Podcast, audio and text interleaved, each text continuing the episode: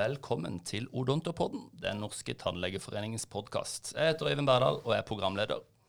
Og sammen med meg i studio i dag så har jeg fast gjest og president Camilla Hansen Steinum. Hei, Camilla. Hallo, Øyvind. Går det bra? Ja, det går så bra. Det går ekstra bra fordi vi har en gjest til i studio. Advokat i Tannlegeforeningens sekretariat, Tone Galaasen. Hei, Tone. Hei. har du det fint? Jeg har det fint. Veldig bra at du kunne være med i, i studio i dag. Vi, vi, har tenkt å ta opp et tema som, eh, som, jeg vet du brenner for, og som du arbeider med. Eh, det er nemlig kontrakter. Du kommer rett fra eh, kurs, du. Eh, studentkurs. Gjør du ikke det? Vi hadde studentkurs i går med ja, vi var vel mellom 88 og 97 studenter. Så vi håper at studentene var fornøyd med det. Ja, ja det tror jeg de absolutt var, og det er de tilbakemeldingene vi har, vi har fått òg. Um, ja, kontrakter, Camilla. Det er viktig. Ja, det høres jo litt kjedelig ut. Så det er veldig fint at vi har advokater som er veldig opptatt av kontrakter. Nei, det er klart det er kjempeviktig eh, det å ha gode avtaler mellom eh, tannlegene eh, som jobber sammen, og også med de ansatte. Altså tannhelsepersonellet er jo kjempeviktig, men det vi skal snakke om i dag er vel kontrakter mellom våre medlemmer, altså mellom tannleger som jobber sammen. Og det er jo helt avgjørende for å ha godt arbeidsmiljø. Ja. Dagens tema er kontrakter mellom tannleger. Tone. Jeg tenkte du kanskje kunne innlede litt det, og følge opp det som Camilla sier. Hvorfor er det viktig, og hva innebærer dette med kontrakter mellom tannleger? Tannlegebransjen er uh, i stor grad en bransje der tannleger, eller i privat sektor, da, har kontrakter mellom næringsdrivende, altså mellom en praksiseier og det som kalles assistenttannlege. Uh, og i kontrakter mellom næringsdrivende så er det viktig at man uh, ivaretar sine egne interesser, og også er klar over de, de rettslige begrensning, begrensningene i hva som kan avtales. Ikke sant. Og det, du, det, det vi snakker om, er egentlig en, en, avtale, ikke sant? For å gjøre det helt elementært her. Mellom to parter, ikke sant? Det er en avtale mellom to parter, der begge er tannleger og begge er næringsdrivende. Ja, og, og eh, det er viktig for å regulere arbeidsforholdet mellom disse. Ja, det er ikke et uh, ansettelsesforhold med en arbeidsgiver uh, og en ansatt. Og det er Kontrakter er den måten man forebygger konflikter på. Og du har eh, så elskverdig satt opp litt, eh, litt, eh, spørsmål som jeg kan stille deg, og du kan, kan, svare så fint på, for her er det du som er eksperten. og jeg tenker vi kan, vi, vi kan jo starte allerede med dette her med ulike assistenttannlegemodeller. Leietannlege versus oppdragstaker. Utdyp. Ja, nei, fra gammelt av så var det vanlig at uh, man brukte leietannlegemodellen, altså at eh, praksiseier tok inn en tannlege i sin virksomhet, og at eh, denne leietannlegen betalte leie da, til praksiseier for å få tilgang til lokaler og hjelpepersonell og utstyr, og vanligvis pasientportefølje. Nå er det mye mer vanlig med oppdragstakeravtaler, altså avtaler om kjøp av tannhelsetjenester. Og der pengestrømmen går eh, motsatt vei, der pasienthonorar går inn på praksiseiers eh, konto. Og at uh, oppdragstaker får betalt som honorar fra praksiseier, som en andel av omsetning, oftest minus tannteknikerutgifter. Camilla, vil du ja, det her er jo, er jo juss, da, men det er klart at det er jo eh, helt riktig som Tone sier, at før eh, altså det vi, det vi, det som, Når vi sier assistenttannleger, så mente vi jo det vi kaller nå leietannleger. Det er den vanligste modellen, eller det som i hvert fall før var den vanligste modellen. Eh, og så har det jo kommet nå også den andre kontraktørmodellen. Så det er jo viktig jeg tenker når man skal ut i jobb, da, eller enten eh, som praksiseier og skal ansette, eller ikke ansette noen, men uh, gå inn i en avtale med noen, så må man jo først velge modell. Altså hvordan man skal ha det. Og, og, så må man jo da begynne å, diskutere punktene i avtalen. Og der har jo vi lagd standardavtaler. Det er viktig å si, Tone, som ligger ute, som, som er utgangspunkt som, som tannlegene kan bruke. men er det sånn at Er det sånn at vi anbefaler det ene eller det andre, eller er det helt opp til den enkelte hva man foretrekker, på en måte? Nei, Det kan nok variere litt. En assistenttannlege er forskjellige ting, holdt jeg på å si. Altså, noen assistenttannleger har egen pasientportefølje. Mm. Noen av spesialister har henvisningspraksis. For dem så kan det nok være mer naturlig å velge leietannlegemodellen. Uh, for nyutdannede, um, ja, og i flere situasjoner også, der assistenttannlegen ikke har egen pasientportefølje, og praksiseier har behov for å kjøpe tannhelsetjenester, Eh, så kan nok eh, oppdragstakermodellen fungere bra. Bakgrunnen for oppdragstakermodellen uh, var momsproblematikk, men det man ser i dag, er at den modellen brukes i veldig stor grad uten at det har noe med det å gjøre. Da. Mm. Ja, Så det er rett og slett to ulike måter å, å gjøre det på. Så må man se hva som ja. passer best for seg. det som er spesielt i vår bransje, er jo nettopp at det er veldig mye sånne type avtaler mellom mellom eh, tannleger som jobber sammen. Eh, det er jo ikke så vanlig med ansettelse i vår, i vår bransje. Og det er jo, jeg tenker, jeg tenker det er viktig å, å, å, si noe om det. Vi er nok ganske spesielle eh, i den måten å drive på, og det er jo noe som vi diskuterer. Og det, jeg tenker at det er jo viktig å si noe om det, Tone, at det, noen ganger så burde man kanskje vurdert ansettelse istedenfor disse kontraktene, eller hva tenker du om det? Ja, altså som vi pleier å si på studentkursene, og det har vi gjort hele tiden, hvis dere får et tilbud om eh, ansettelse, så bør de eh, absolutt eh, vurdere det. Fordi man har en, en helt annen trygghet og mindre risiko enn når man driver for seg selv som næringsdrivende. Jeg fører jo det fint videre. For mitt neste spørsmål det er nettopp det. Hva, det som, hva innebærer det å være selvstendig næringsdrivende versus det å være ansatt arbeidstaker? Utdyp litt, eh, Tone. Det betyr at man driver for eh, egen regning og risiko. At man uh, har ansvaret for det for egen inntjening, for faglig resultatet. Det betyr at man selv må sørge for veldig mye av det som arbeidsgiver sørger for i et ordinært ansettelsesforhold. man må selv sørge for pensjonssparing. Man må holde av til ferie fordi man ikke har rett til feriepenger. Man må selv sørge for uh, forsikringer. Um, ja. Dette har jo kanskje blitt satt enda mer på spissen i den vanskelige situasjonen vi har vært nå i de siste månedene. Har det ikke det? Altså, det, det høres jo langt mer enkelt ut å være ansatt arbeidstaker enn å være selvstendig næringsdrivende. For å forenkle det veldig, da.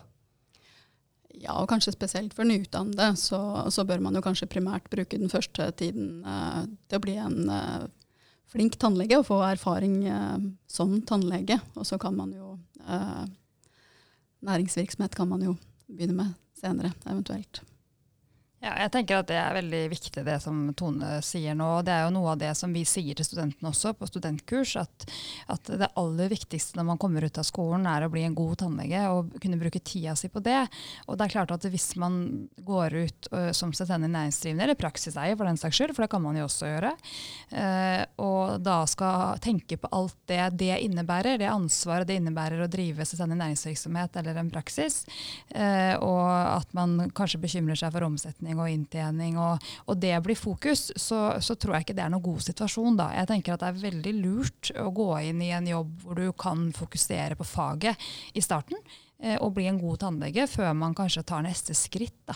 Og det, det, må vi nok tenke litt på. I den, i den situasjonen jeg har vært i nå, alt er lett når det går bra. Men den situasjonen vi har vært i nå, hvor vi plutselig sto i en situasjon hvor vi ikke kunne jobbe, hvor inntjeninga rett og slett bare ble, var lik null, det, det, har vært en ekstremt utfordrende periode som kanskje har vist oss at det er noe, noen utfordringer da, med den modellen vi har hatt. Jeg kan, jeg kan jo kanskje tilføye at uh, det forutsetter jo at praksiseiere ønsker å ansette tannleger. Uh, og det er klart, for praksiseiere uh, altså det, det, å ansette noen De har jo veldig lang og forhåpentligvis god erfaring med å ansette sekretærer, og det er jo ikke noe annerledes å ansette tannleger, men det er klart det innebærer jo en større risiko, større risiko for praksiseiere å ansette noen, og større kostnader. Sånn at eh, de tannlegene som da eventuelt får tilbud om å bli ansatt i privat sektor, kan jo ikke påregne å, å tjene like mye som man kanskje under vanlige omstendigheter ellers eh, bør, eh, bør tjene da, som næringsdrivende. Mm. Men man får jo, jeg tenker Det er jo helt riktig det Tone sier, men man får jo også mer trygghet da, eller mer mulighet for, styr, for styring som en, som en arbeids, hvis man ansetter som arbeidsgiver. og Det er jo også, kan jo i hvert fall i kanskje litt større praksiser være viktig. At man kan bestemme eller styre mer når folk har ferie og få, få kabalen til å gå opp hvis man har flere som jobber for seg. og sånn, og det, eh, det, har man jo ikke samme mulighet til hvis man har eh, denne næringsdrivende som jobber for seg. Nei, en praksiseier har ikke styringsrett, da, som det heter på jusspråket, uh, overfor næringsdrivende assistentanlegger. Det er helt riktig. Jeg var litt inne på det her i stad. Er det sånn at NTF anbefaler en ordning foran en, en annen? Eller er det litt opp til uh, Selvfølgelig er det litt opp til hver enkelt, men hvor, hva er NTFs policy på dette her? Jeg tenker at det, eh, vi, vi, må i hvert fall forholde oss til den bransjen som er der ute. Uh, og det, det, har jo åpenbart noen uh, konsekvenser, som sagt, for disse praksiseierne, som jo allerede har tatt høy risiko og tatt høye kostnader ved å etablere en, en tannlegevirksomhet. Det er en kostnadskrevende bransje. Det er ulike måter å knytte til seg andre tannleger på. og det er ja, F.eks. For i forhold til etableringsrestriksjoner, da, så er det, det er lovregulert for ansatte. det er absolutt noen grenser for næringsdrivende også, men uh, an andre, andre, grenser enn for ansatte. Da. Så det, det, er rett og slett to ulike modeller, men det viktigste er kanskje å vite at hvis man skal inngå en kontrakt med næringsdrivende i stedet for å ansette, så må, så må, kontrakten både formelt og reelt gjenspeile at denne tannlegen er næringsdrivende og ikke ansatt. Jeg vil tilbake til det jeg nevnte i stad om uh, standardavtaler og assistentanlegg. Det var du som nevnte det, Camilla. Uh, hvorfor har NTF laga sånne? Nei, altså, vi mener at balanserte kontrakter som ivaretar både praksiseiere og assistenttannleger, er helt avgjørende for en, en seriøs og velfungerende tannlegebransje. Uh, og vi har også gjort det for, for å sørge for at uh, kontraktene holder seg innenfor det som gyldig kan avtales. Da. Nettopp fordi at det er noen nyttegrenser uh, i forhold til hva som kan avtales. Hvor går den grensa? Nei, altså det, det, er mange som har hørt at det er avtalefrihet mellom næringsdrivende. Men det er, det er ingen tvil om at det er rettslige begrensninger. Likestillings- og diskrimineringsloven gjelder. Avtaleloven, konkurranseloven uh, sette grenser. Ikke minst det som kalles gjennomskjæringsprinsippet, som går på, på, grensen mellom næringsdrivende og ansatte, som jo er spesielt viktig for praksiseiere å være oppmerksom på. Slik at man ikke ender opp med at uh, ligningsmyndighetene eller andre uh, konkluderer med at dette i realiteten er et ansettelsesforhold. Det vil jo få store konsekvenser for praksiseiere som da vil måtte betale arbeidsgiveravgift og sørge for pensjon og, og de rettighetene som, som ansatte uh, har. da. Ja, OK. Da sitter man da i kontraktsforhandlinger. Og så uh, fins det en mal for det. Hva er det som er viktig? Kan ikke du eh, hjelpe oss litt gjennom det? For eksempel, ja, hvor vil du starte? Det ja, nei, altså Som vi eh, sier til studentene som er på vei ut i arbeidslivet, så, så er kanskje det aller viktigste å få avklart om det er nok pasienter Eh, hvis det ikke er nok pasienter, så, så, er det kanskje ikke grunnlag for å inngå en kontrakt i det hele tatt. Uh, og det at det er samsvar mellom det pasientgrunnlaget uh, som praksiseier har behov for å få eller det, det, er jo på en måte Hele grunnlaget for å ta inn en annen tannlege eh, for praksiseier er jo at man har et behov for å kjøpe tannlegetjenester av en annen tannlege. Og at det da er eh, i størst mulig grad samsvar mellom pasientgrunnlaget og omfanget av den avtalen man inngår. Eh, vi, vi ser nok noen kontrakter der, eh, der assistentanleggene blir forespeila at det skal være nok pasienter til å jobbe fulle arbeidsuker, og så viser det seg at det kanskje bare er grunnlag for et par-tre dager i uka. Hva med kostnader? Altså Assistentanleggmodellen er basert på at uh, praksiseier dekker alle kostnader knyttet til uh, klinikken, sånn som husleie, lønn til sekretær, uh, etablering av klinikken som sådan, altså utstyr, drift av klinikken, forbruksmateriell, den biten. Mens assistentanlegen da må dekke de kostnadene som er knyttet til egen tannlegevirksomhet, sånn som ja, regnskap, forsikringer, NPE. Men dette er ikke en selvfølge. Dette er noe som må være med i en kontrakt, ikke sant?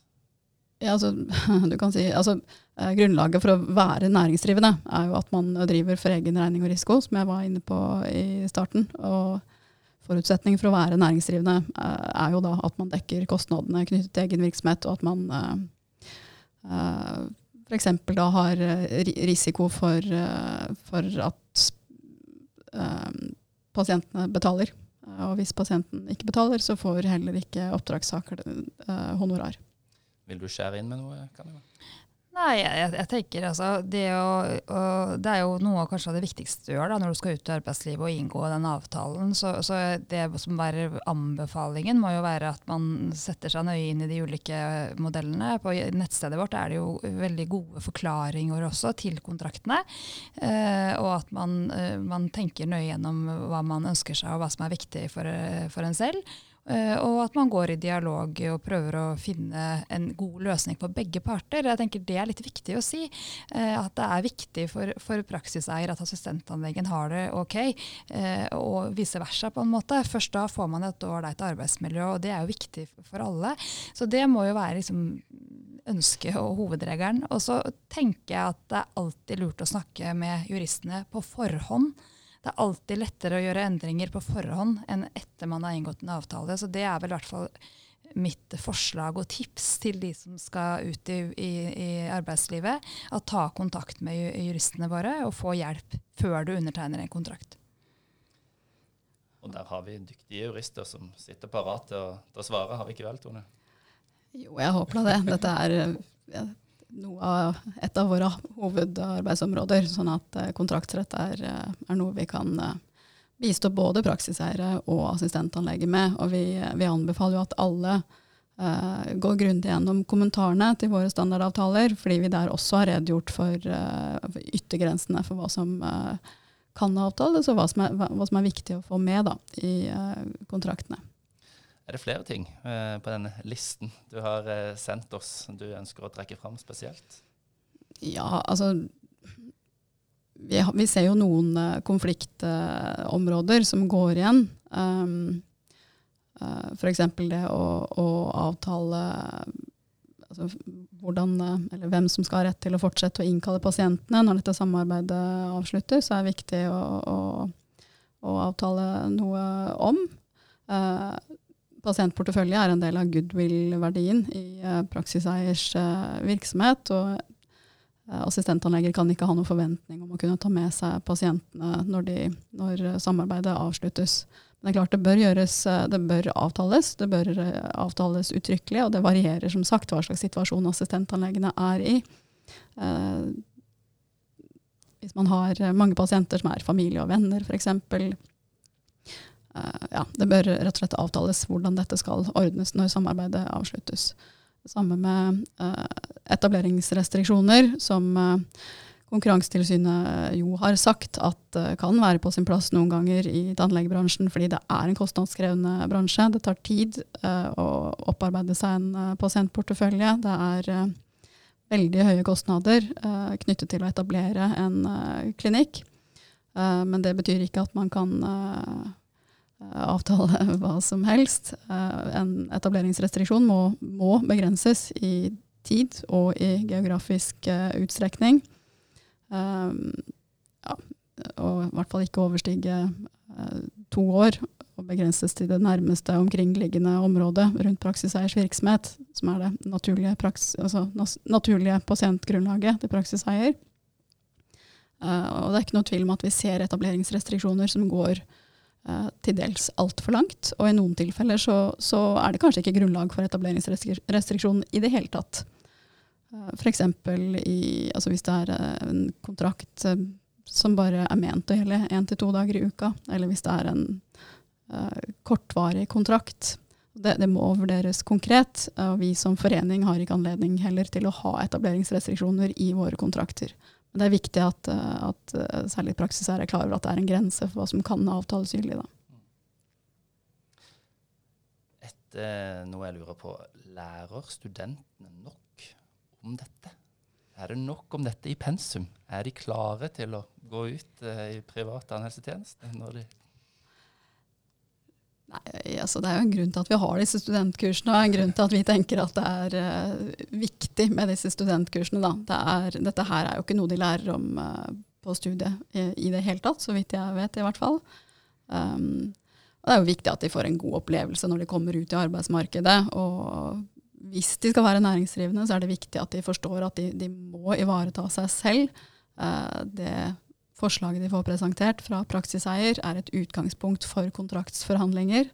Um, og vi, vi, vet jo at veldig mange tar utgangspunkt i våre standardavtaler, og det er jo det, er jo det vi anbefaler også. Det er Eh, helt i orden å lage noen uh, konkrete tilpasninger til situasjonen, men uh, man bør være, bør være, oppmerksom på å gå igjennom hvis det er foretatt endringer, da.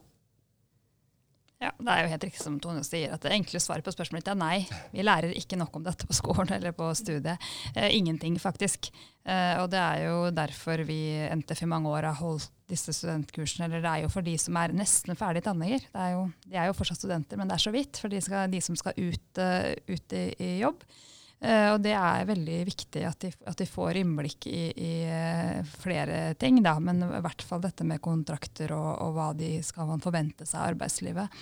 Og det er jo sånn at akkurat nå så kommer jo studentene, eller de nye nyeksaminerte tannlegene ut i en, en, litt annen virkelighet enn bare vi hadde for noen måneder siden pga. koronapandemien. Uh, og det gjør jo kanskje at dette blir enda viktigere. Uh, at uh, både vi som er er etablerte praksiseiere, eh, tar godt imot eh, våre nye kolleger og behandler dem på en skikkelig måte, og at de, de som kommer ut, vet hva, hvordan de skal forholde seg. Og, eh, for det med balanserte kontrakter, som Tone så vidt nevnte i stad, er jo det NTF er opptatt av. At det skal være eh, gode kontrakter både for de som er praksiseiere, men også for assistentanleggene. Eh, det, er, uh, det, er, viktig at at uh, alle føler at de har kontrakter man kan leve med, og som gjør at arbeidsmiljøet blir godt, og at uh, man får utvikla seg som, som uh, tannlege, rett og slett, når man kommer ut. Så, Så um, nettopp derfor har du hatt Zoom-kurs i går. Det er viktig å presisere at det var på Zoom, det var ikke, det var ikke fysisk. og Det var for alle tre lærestedene, i Norge. Og vi skal også ha kurs for utenlandsstudentene. Og det er studentene i tiende semester som du har snakka for. Camilla, du skal jo snakke Vi skal snakke i dag om, eh, om, hvordan det er å være tannlege, og eh, litt om etikk og litt om trygd. Og det er mange ting man skal kunne når man kommer ut. og er, man er jo eh, man har et godt grunnlag fra universitetene i Norge, men det er mange ting man også må lære seg etterpå. Så man er ikke ferdig, ferdig utlært. Nei. Det var en fin måte å avslutte på, var det ikke det? Syns vi har hatt en fin gjennomgang. Er det noe du vil legge til helt avslutningsvis, Tone, om kontrakter, temaet i dag? Nei, Det må jo være at vi oppfordrer alle til å sende kontrakter til oss uh, for gjennomgang uh, før man inngår kontrakten. Og for all del, både ring oss eller send mail uh, hvis det er noe, noe, dere lurer på der ute. Både praksiseier og assistenttannleger. Dette har vært den åttende episoden av Odontopodden. Temaet har vært kontrakter. Takk til gjestene, president Camilla Anne Steinum, fast sådan, advokat Tone Galaasen, produsent Øyvind Husby. Applaus. Vi kommer tilbake med flere podkaster selvfølgelig, og setter stor pris på om dere lyttere kommer med innspill til hva vi skal ta opp og diskutere. Har dere forslag til tema eller ønskegjester, så sender du oss en e-post på ob1tannlegeforeningen.no. I mellomtida, ta vare på hverandre og vit NTF står på for dere.